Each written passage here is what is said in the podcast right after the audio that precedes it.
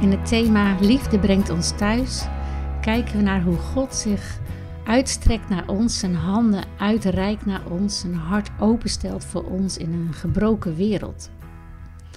En een van de redenen waarom mensen niet geloven in een God van liefde, is dat ze de problemen en het lijden in het leven niet kunnen verbinden met een God die een en al liefde is. Hoe vaak hoor je niet, als er een God is, waarom zijn er dan zoveel problemen?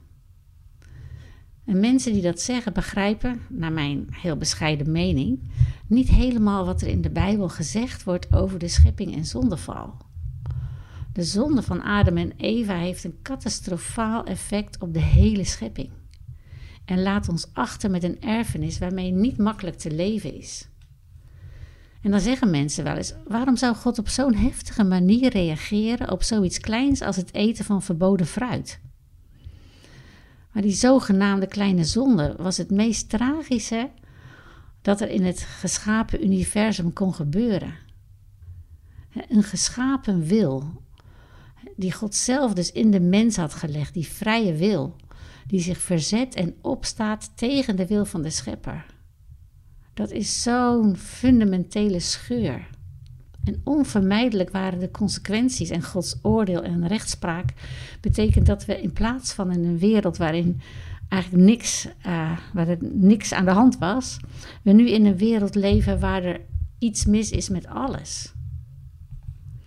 En het leven, zoals dat heet ten oosten van Eden, is moeilijk.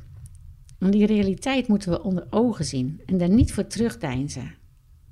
Een geloof dat niet gebaseerd is op realisme, dat is gewoon niet volwassen.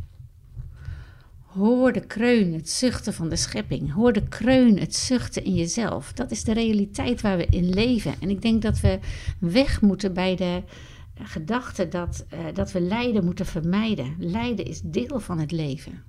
Dat is ook heel bijbels.